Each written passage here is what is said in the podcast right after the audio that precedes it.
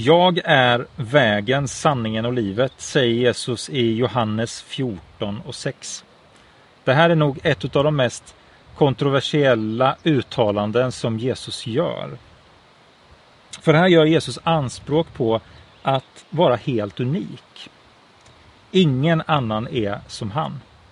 Och Jesu anspråk på att han är den enda sanningen, den är svårsmält idag och i det samhälle som vi lever i som är så relativistiskt.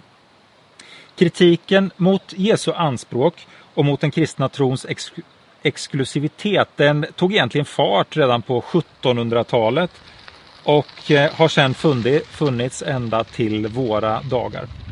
Så det är ingen ny kritik som vi möter här. Skillnaden är kanske att idag så finns även den här kritiken mitt inne i församlingen och kyrkan där man försöker kanske att tona ner Jesu unika ställning. Idag ska jag försöka dela några tankar utifrån detta med er. Men för att göra det så ska vi läsa lite mer utav sammanhanget i Johannes 14. Jag läser från Johannes 14 och 1. Känn ingen oro. Tro på Gud, tro på mig. I min faders hus finns många rum.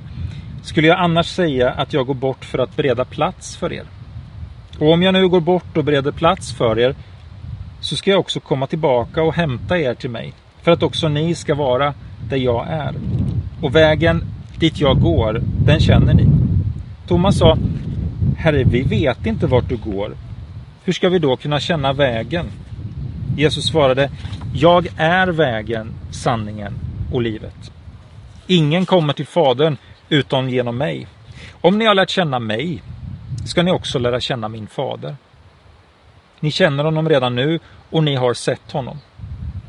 Filippos sa, Herre, visa oss Fadern, det är nog för oss. Jesus svarade då, så länge har jag varit tillsammans med er och ändå så känner du mig inte, Filippos. Den som har sett mig har också sett Fadern. Hur kan du då säga, visa oss Fadern? Tror inte du att jag är i Fadern och Fadern är i mig? De ord som jag säger er, de talar jag inte om mig själv. Fadern är i mig och utför sina gärningar. Tro mig när jag säger att jag är i Fadern och Fadern är i mig. Eller tro åtminstone för gärningarnas skull. Jesus han börjar med att berätta om vart vi är på väg. Han berättar att det finns en plats, det finns en eh, plats dit vi är ämnade att komma till. Platsen han använder, han använder orden i min faders hus. Och det är en plats som väntar på oss människor. Tidigare så har Jesus använt det här uttrycket i min faders hus på några, vid några tillfällen i Johannes evangeliet och då har det handlat om templet. En plats där himlen och jord har mötts. Där Gud har kommit nära människan. Där människan har fått möta det gudomliga. Så Jesus säger alltså att vi är ämnade att komma till en plats där Gud finns och där vi människor får komma till honom. Min faders hus. Och det är klart att dit vill man ju komma och då kommer ju den naturliga frågan. Hur kommer man dit? Vilken väg ska man ta? Jesus säger till lärjungarna att de vet vägen, de känner vägen. Och det här verkar ju göra Thomas ganska så irriterad för han säger ju så här Ja men herre, vi vet ju inte vart du går. Hur ska vi då kunna känna vägen? Och då svarar Jesus Jag är vägen, sanningen och livet. Ingen kommer till Fadern utan genom mig. Det är alltså Jesus som är vägen hem till Gud. Det är genom honom som vi kommer till Fadern. Och han säger, det här är den vägen som finns till Gud. Förutom att Jesus säger att han är vägen så säger han också att han är sanningen. Han menar alltså på fullaste allvar att om man vill veta någonting om vem Gud är, då måste man söka svaren hos honom. Man måste söka svaren hos Jesus själv. Och hela den kristna tron bygger på den här tanken att den helige guden blir människa och kommer till jorden. Att Han lever som människa och att han visar för oss vem Gud är. Jesus är alltså vägen till Gud men också sanningen om livet och sanningen om Gud. Idag så finns det en ganska utbredd tanke om att alla religioner egentligen bara är olika vägar till det gudomliga. Att alla religioner i grunden är de samma. Och det där är ju kanske egentligen en, en trevlig, sympatisk och ganska demokratisk tanke. Men frågan är ju, stämmer det? Är det sant? Somliga menar att eh, det är till det yttre som de olika religionerna skiljer sig och när man kommer in i själva kärnan då ser man att egentligen så är det samma sak. Fast i själva verket så råder nog faktiskt det motsatta förhållandet. Att till det yttre kan vi se att religionerna har en del gemensamt. Men när man kommer in till själva kärnan, ja då är det faktiskt stora skillnader, så pass stora skillnader att religioner inte går att sammanföra. Att de faktiskt är helt olika. Det är omöjligt att förena dem. Ett problem som man får när man hävdar att alla religioner är lika, det är att man då också måste säga att